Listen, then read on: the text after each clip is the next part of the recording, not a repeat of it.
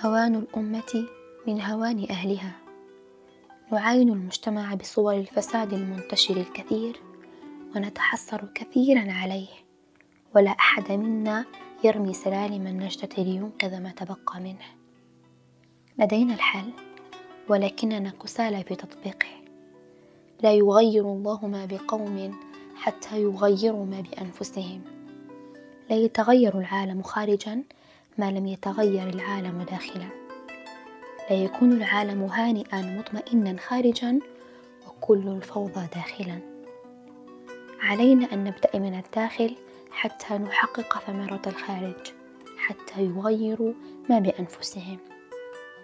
ما بأنفسنا من وهن وضعف وسفه وطيش وأمراض القلوب. ما بأنفسنا من انكسار وذل وتعب وغربة.